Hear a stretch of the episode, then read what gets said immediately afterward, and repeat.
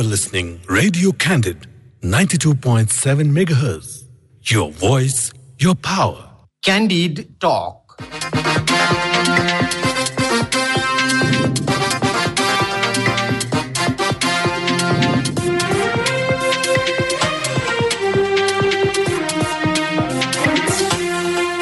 नमस्कार क्यान्डी टकमा तपाईँलाई स्वागत छ। म धीरज बस्नेत। रेडियो क्यान्डिडको प्रस्तुति कार्यक्रम क्यान्डी टक तपाईँले शनिबार बाहेक हरेक दिन बिहान साढे छ बजेबाट सात बजेसम्म आधा घन्टा सुन्दै आइरहनु भएको छ। समसामयिक विषयमा कुराकानी हुने यो कार्यक्रम तपाईँले काठमाडौँ उपत्यका र आसपासका जिल्लामा बयानब्बे दशमलव सात मेगाहर्जमा रेडियो क्यान्डिडको आधिकारिक फेसबुक पेजमा हाम्रो पात्रोमा रेडियो क्यान्डिडको एप्स डाउनलोड गरेर र पोडकास्टमा समेत सुन्न सक्नुहुन्छ। शेरबहादुर देउबा नेतृत्वको सरकार संसदीय निर्वाचनको मिति तोक्ने अन्तिम तयारीमा छ। मिति तोकेसँगै हाल चलिरहेको प्रतिनिधि सभाको बैठक अर्थात् यो चालु अधिवेशन अन्त्य समेत गर्ने सरकारले तयारी गरिरहेको छ।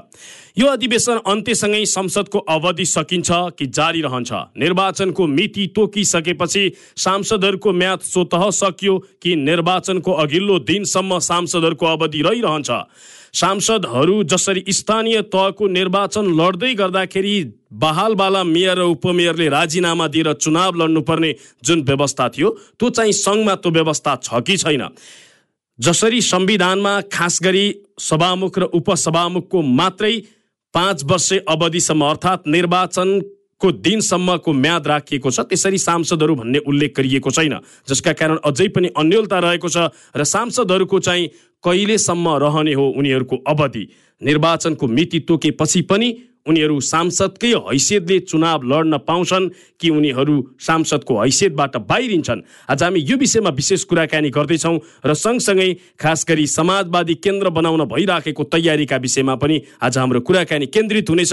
कुराकानीका लागि वरिष्ठ अधिवक्ता समेत रहनुभएका माओवादी केन्द्रका नेता रामनारायण बिडारी हुनुहुन्छ। बिडारीज्यू यहाँलाई स्वागत छ क्यान्डी टकमा। धन्यवाद छ सबैभन्दा पहिला त यहाँ हिजो आज अलिक फुर्सदिलो हुनुभएको होला राष्ट्रिय सभाबाट बाहिरिएपछि। ठिकै छ पार्टीको काम पनि छन्। म प्रोफेसनल लयर पनि हो। हजुर। खालि देखिरहेको छ मान्छेले चाहिँ नि मुद्दा मामिलाको कुरा लिएर आइहाल्छन् घरैमा आउँछु अफिसमै आउँछन्। त्यसैमा व्यस्त छु। यद्यपि मैले तपाईँसँग जान्न खोजेको खास गरी वरिष्ठ अधिवक्ताको हैसियतले र सँगसँगै तपाईँ संविधान निर्माण गर्दाखेरि प्रत्यक्ष अप्रत्यक्ष ढङ्गले त्यसको ड्राफ्ट निर्माणमा पनि संलग्न भएको व्यक्तिको हैसियतले। खास गरी स्थानीय तहमा मेयर उपमेयर जो थिए बहालवाला उनीहरूले राजीनामा दिएपछि मात्रै उम्मेद्वार बन्न पाउने व्यवस्था थियो। तर अहिलेको यो सङ्घीय जुन संसद छ र खास गरी प्रतिनिधि सभाको निर्वाचन लड्दै गर्दा र प्रदेश सभाकै पनि निर्वाचन लड्दै गर्दाखेरि सांसदहरूले राजीनामा दिनुपर्ने कि नपर्ने उनीहरूको म्याद कहिलेसम्म हुने यो विषय निकै पेचिलो बनेको छ। खास संविधानमा व्यवस्था के हो र भएको के हो? यसको ल्याप्सेस कहाँनिर हो? होइन अहिले तपाईँले भन्नुभयो संविधान बनाउँदा अप्रत्यक्ष होइन प्रत्यक्ष नै मस्यौदा समितिमै थिएँ म र पाँचजनाको विज्ञ टिम थियो त्यो विज्ञ टिममै बसेर काम गरेको थिएँ। अहिले चाहिँ नि एउटै कुरा सबै ठाउँमा बुझिराख्नु होला। सबै श्रोतालाई चाहिँ म निवेदन गर्दछु कि उम्मेदवारको योग्यता भनेर संविधानमा पनि लेखिएको छ। र राज्यको ढुकुटीबाट कुनै पनि तरिकाले तलब भत्ता वा कुनै प्रकारको सुविधा लिएर लिएको मान्छे उम्मेदवारको योग्य हुँदैन। त्यसो भएको हुनाले हामीले संविधान बनाउँदा होस् या प्रतिनिधि सभा निर्वाचन ऐन बनाउँदा होस् या निर्वाचन सम्बन्धी कानुन बनाउँदा होस् त्यो कुरालाई ख्यालमा राखेको हुनाले अब मान्य अ, हरू जो छन् अहिले बहालवाला उनीहरूले जुन दिन जुन दिन उम्मेदवारी दर्ता गर्छन् वा उम्मेदवारी दर्ता गरेकै दिनबाट उनीहरूको पद समाप्त हुन्छ। उनीहरू उम्मेदवार सँगसँगै उनीहरूको पद जान्छ। यदि उनीहरूको पद नजाने हो भने उनीहरू उम्मेदवार तर उनीहरूले जुन खालको चुनावी प्रचार प्रसार चाहिँ खास गरी सांसदको हैसियतले गरिरहन पाउने रहेछन् होइन यसको अर्थ चाहिँ? उम्मेदवारी दर्ता नगरिँदैन उम्मेदवारको प्रचार भन्ने नै भएन नि। तर मनोनयन त निकै ढिला हुन्छ नि त। उम्मेदवारी- भनौँ न हो ठिकै छ। अब त्यो त त्यो त अहिले आजको मितिमा आजको मितिमा चाहिँ उनीहरूले भन्न पाउने भए। अब म पनि चुनाव लड्छु भन्ने नै हुन्थ्यो बेलासम्म उम्मेदवार हुन्छ हुँदैन थाहा छैन। अझ स्वतन्त्र उम्मेदवारहरूको त झन् कुन चुनाव चिन्ह हो त्यो पनि थाहा हुँदैन पार्टीको चाहिँ विषयमा चाहिँ झन् अहिले त गठबन्धन गर्ने चलन छ ओलीजी गठबन्धन गर्न सबभन्दा माहिर ओलीजी हुनुहुन्छ। उहाँ केन्द्रीय स्तरमा गठबन्धन गर्नुहुन्न टोल टोलमा गठबन्धन गर्नुहुन्छ टोल टोलको पार्टीसँग क्या। टोलको राप्रपा टोलको राप्रपा नेपाल टोलको प्रतिगामी अरू सबैसँग उहाँको निर्वाचन तालमेल हुन्छ त्यो छुट दिएको छ। तिमीहरूले गाउँ गाउँमै अ, टोल टोलमै त्यस्तो गठन गठमेल गर्न पाइन्छ भनिदिएको छ। त्यस कारणले जिल्ला स्तरीय क्षेत्रीय स्तरीय सब स्तरीय गरे हुन्छ। अब अहिले गठबन्धन भएपछि झन् को उम्मेदवार हुन्छ भन्ने ठेगान भएन। काङ्ग्रेसको उम्मेदवार हुन्छ कि माओवादीको उम्मेदवार हुन्छ कि यतापट्टि उतापट्टि एमालेको उम्मेदवार हुन्छ कि राप्रपाको उम्मेदवार हुन्छ कि ठेगान भएन मैले बुझ्न खोजेको चाहिँ खास गरी सांसद भन्दा पनि संसदको अवधि अब कति रहने खास गरी निर्वाचनको मिति घोषणा भएसँगै यो प्रतिनिधि सभाको अवधि स्वत समाप्त भएको मानिने हो कि निर्वाचन नहुँदाको दिनसम्म यसको अवधि रहने हो? यसको निर्वाचन नहुँदाको दिनसम्म रहँदैन। यसको के भन्छ भने अब संविधानले पाँच वर्ष तोकेको छ। कोठावधि त्यो पाँच वर्ष भन्दा त फागुन एक्काइस पुग्छ नि त दुई हजार चौहत्तरको फागुन एक्काइसमा पहिलो बैठक बसेको थियो। तर तर त्यसो भएको हुनाले शपथ ग्रहण गरेको मितिबाट लागु हुने हो कि भन्ने भन्ने कुरा हो। होइन जुन मितिमा शपथ ग्रहण गरे त्यो दिनदेखि लागु हुने कि भन्ने कुरा हो। तर निर्वाचन चाहिँ दुई चरणमा भयो नि एक चरण भयो नि पहिलो चरणमा जुन बेला निर्वाचन हुन्छ त्यसबाट चाहिँ नि गन्ने भन्ने मान्यता पनि थियो। तर अहिले चाहिँ हामी सबै कानुनलाई अध्ययन गरेर हेर्दा निर्वाचन चाहिँ उम्मेदवार भएको मितिबाट अथवा उम्मेदवार हुनलाई नै उनीहरू खाली हुनु पर्यो क्या काहीँ पनि हुनु भएन। राज्यको कोषबाट तलब भत्ता सुविधा नखाएको हुनु पर्यो। त्यस कारणले उम्मेदवारी दिएको मितिबाट हुन्छ। भनेको प्रतिनिधि सभाको कार्यकाल कति समय हुने भन्दा पनि खास गरी मनोनयन दर्ताको दिनसम्म सांसदको अवधि कति हुने भन्ने कुराले चाहिँ प्रतिनिधि सभाको आयु निर्धारण हुने हो यसको अर्थ। प्रतिनिधि सभाको आयु हो उम्मेदवार उम्मेदवार हुने जुन दिन छ।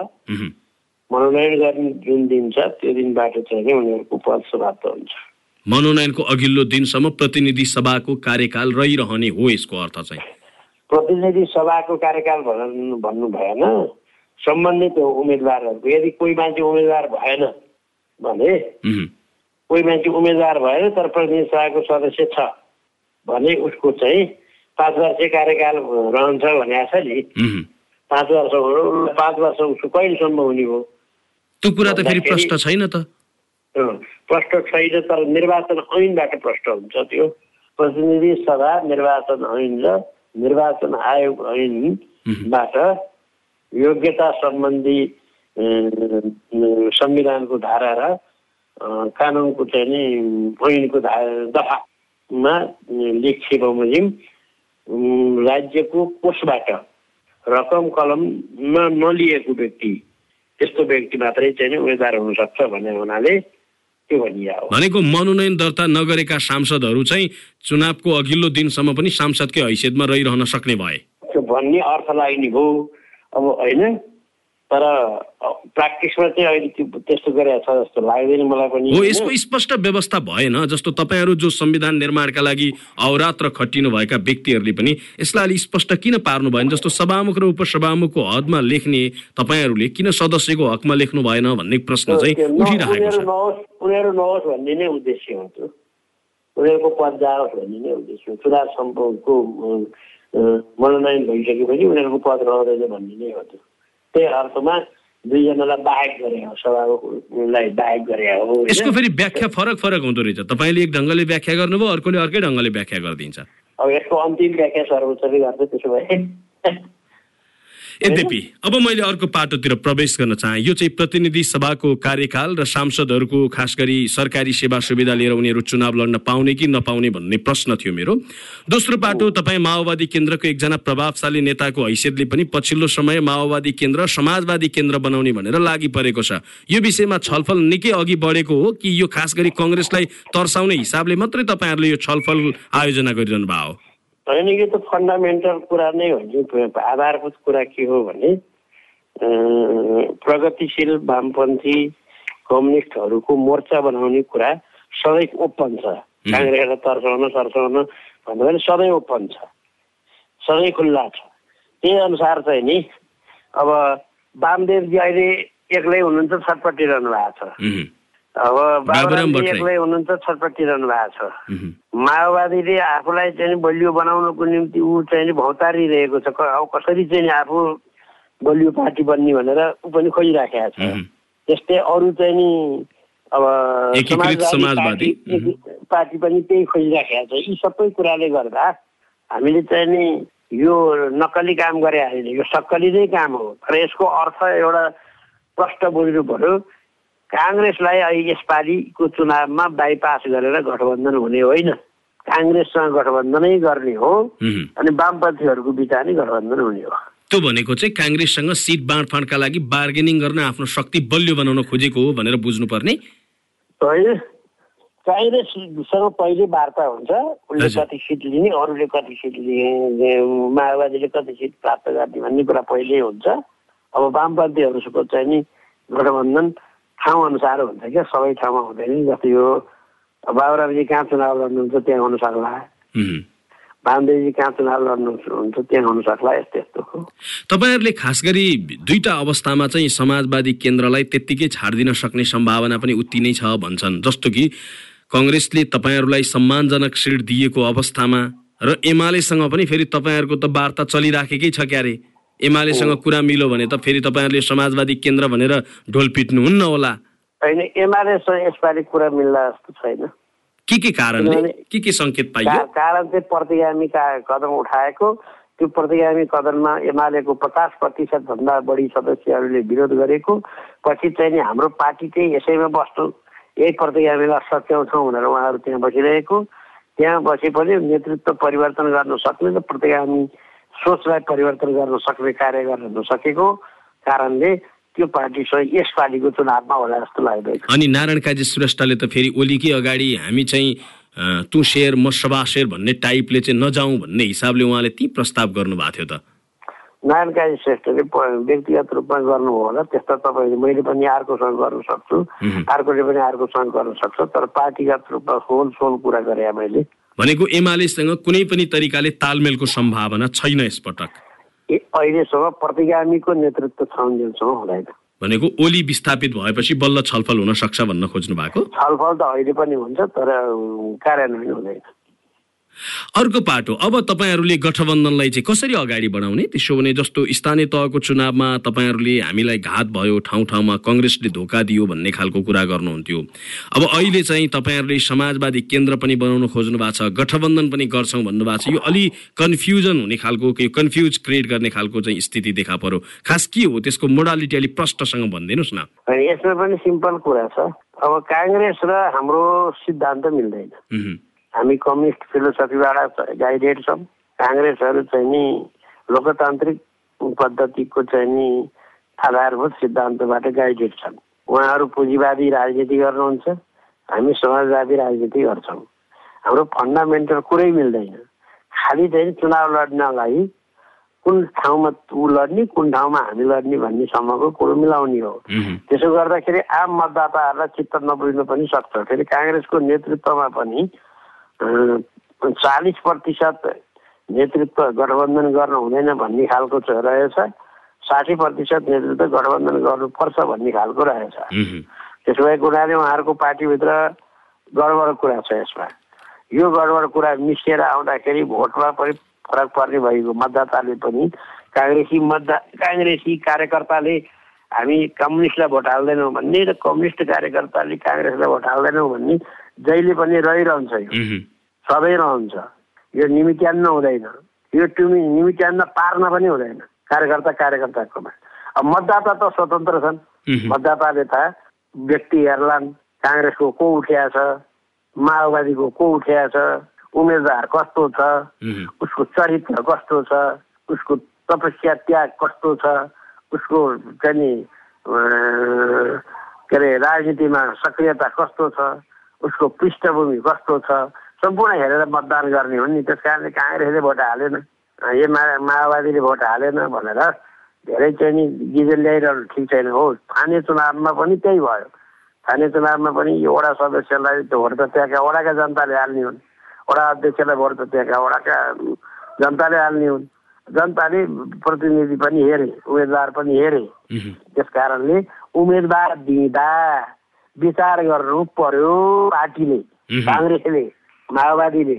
उम्मेदवारै बेठिक छ भने त्यो जस्तो उम्मेदवार दिए हामीले देशी चाहिँ भयो भन्न भएन। त्यस कारण गठबन्धनमा मेरो एउटा सुझाव छ तपाईँले सोधिहाल्नुभयो। गठबन्धनका नेताहरूलाई सुझाव के छ वार्ता गर्दा भन्दा गठबन्धन गरिसकेपछि काङ्ग्रेसलाई यति भयो माओवादीलाई यति भयो भनेर सिट मात्र पन्चाएर हुँदैन। स्थानीय चुनावमा झन् गर्नु पर्थ्यो त्यो चाहिँ उम्मेदवारको बारेमा पनि छलफल गर्नुपर्छ। को उम्मेदवार हुन्छ तिम्रो त्यहाँ भनेर? उम्मेदवार पनि दुवैले पत्याउनु पर्यो नि। दुवैले पत्याएको उम्मेदवार हुनु पर्यो। मैले तपाईँसँग अर्को एउटा विषय नि जान्न खोजेँ। खास गरी हिजो मात्रै तपाईँहरूको अध्यक्ष पुष्पकमल दाहाल प्रचण्डले के भन्नुभयो भने चुनाव त अब लड्नै नसक्ने खालको भयो। एउटा वडा अध्यक्ष जित्नका लागि वा भनौँ एउटा गाउँपालिकाको अध्यक्ष जित्नका लागि समेत करोडौँ रुपियाँ खर्च गर्नुपर्ने स्थिति आयो। झन् सङ्घीय निर्वाचनमा त कति हो कति बग्नेवाला छ भन्नुभयो। यो भनेको चाहिँ उहाँले आफ्नो भोगाई हो कि माओवादीले चाहिँ अब खर्च गर्न नसक्ने अवस्थामा पुगो भन्न खोज्नु भयो कि? के हो यो सङ्केत? यो सङ्केत भनेको यो वास्तविक कुरै त्यही छ क्या अहिले। तपाईँले कुनै रेकर्ड पल्टाएर खोजी गर्नुभयो भने मैले संविधान सभा छ सय एकजना भएको बेलामा रोस्टमबाट बोलेको छु। अब यो सदनमा दस वर्षपछि शोषक र सामन्तहरू मुलुकमा र बजेटमा र गरिबमाराहरू अपराधी र धनाध्यहरू सामन्तीहरूले टन्न भरिनेछन् यहाँ श्रमिक हुने छैन मजदुर हुने छैन किसान हुने छैन।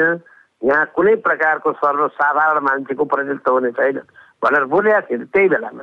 किन भनेको त यही हो चुनावमा चाहिँ नि जबसम्म यो पद्धति छ अहिले जति पनि खर्च गर्न पाउने जसरी नै खर्च गर्न पाउने अनि मतदाताहरू पनि त्यही प्रकारको अशिक्षा अशिक्षित जस्तो तरिकाले कसले खर्च गर्छ त्यसप्रति बग्न थाल्ने भएको हुनाले अब यसलाई निर्वाचन पद्धति नै परिवर्तन गर्नुपर्ने हो कि भनेर उहाँले ध्यान आकर्षण गराउनु भएको भनेको कस्तो? पूर्ण समानुपातिक जानुपर्छ भन्नुभएको?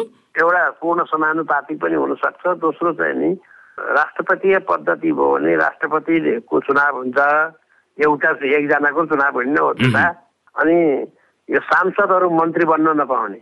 भएपछि सांसदहरू कानुन मात्रै बनाउने भएपछि भ्रष्टाचार गर्छु र पैसा कमाउँछु भनेर खर्च गर्न नजाने पनि हुन्छन् त्यसो भएको हुनाले मन्त्रीहरू चाहिँ विज्ञ रूपमा राष्ट्रपतिले चाहिँ मनोनयन गरेर ल्याउने उसको इच्छामा।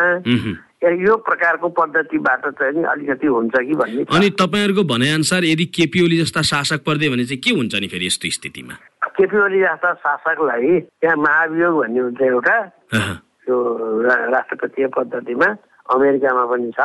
अब एउटा त्यो प्रकारले नियन्त्रण गर्न सकिन्छ। दोस्रो चाहिँ नियन्त्रण गर्न सक्ने कुरा के हो भने केपी ओली जस्ता शासकलाई भोट दिनु भएन। आम जनताले दिने कुरा आयो नि।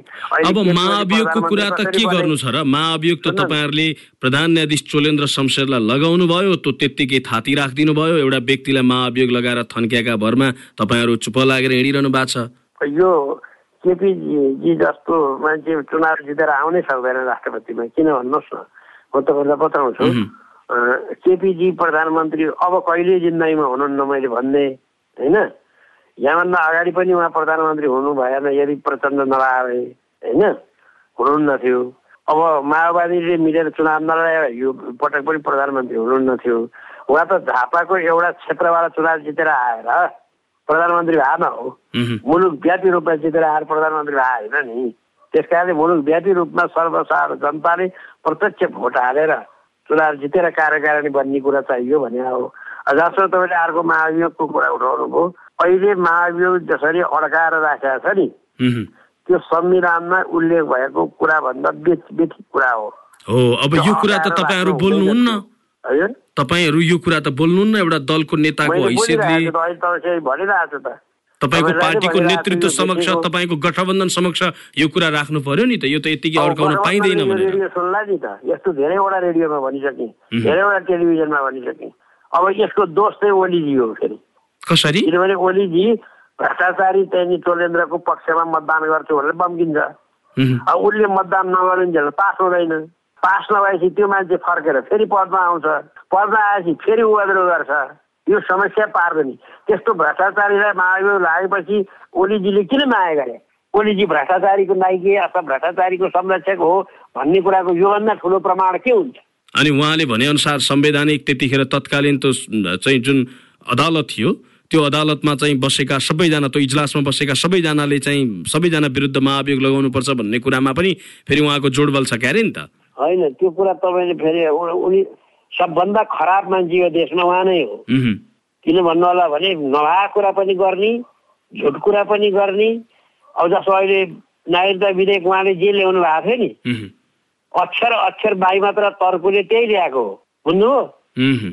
अब उहाँले ल्याउँदा हो नि अहिले चाहिँ त्यो प्रतिगामी हुने। अब फेरि। उहाँले ल्याउँदा तपाईँहरू विरोध गर्ने अहिले उहाँले जे ल्याउनु भयो त्यो सर्लक्क। लिएर आउने।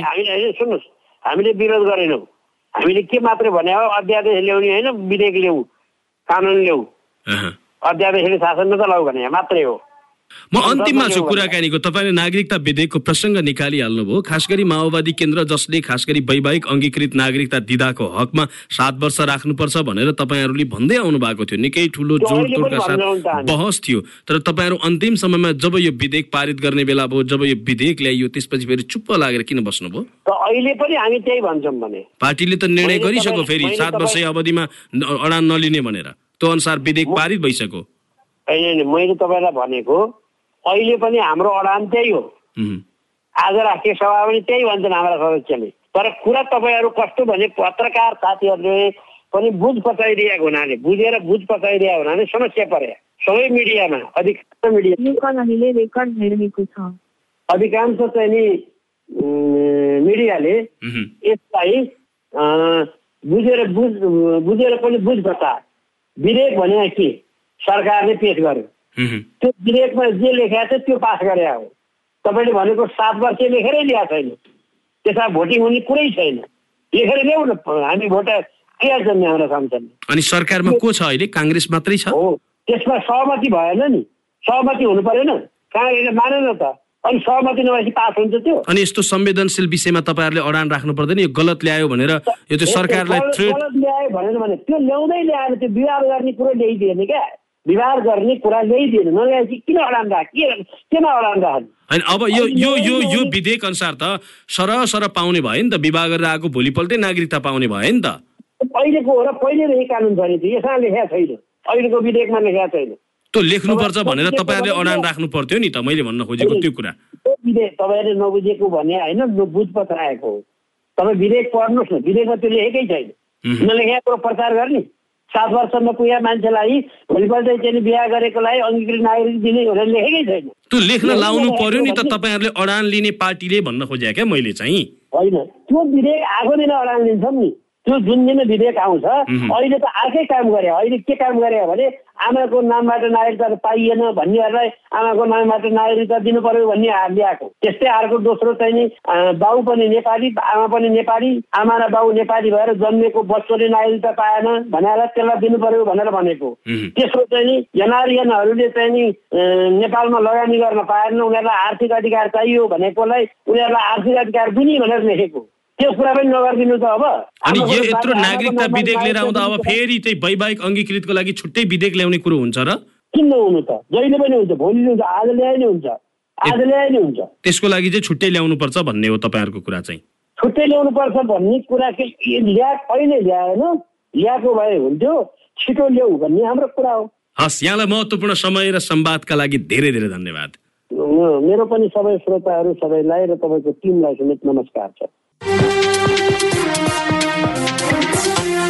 आजको कार्यक्रममा वरिष्ठ अधिवक्ता समेत रहनुभएका माओवादी केन्द्रका नेता रामनारायण भिडारीसँग कुराकानी गर्यौं हौस् त क्यान्डी टकको यो अङ्क आजलाई यति नै। प्रविधि संयोजनका लागि गणेश श्रेष्ठलाई धन्यवाद। कार्यक्रमबाट म धीरज बस्नेत विदा माग्छु। रेडियो क्यान्डिड सुन्दै गर्नुहोला। नमस्कार।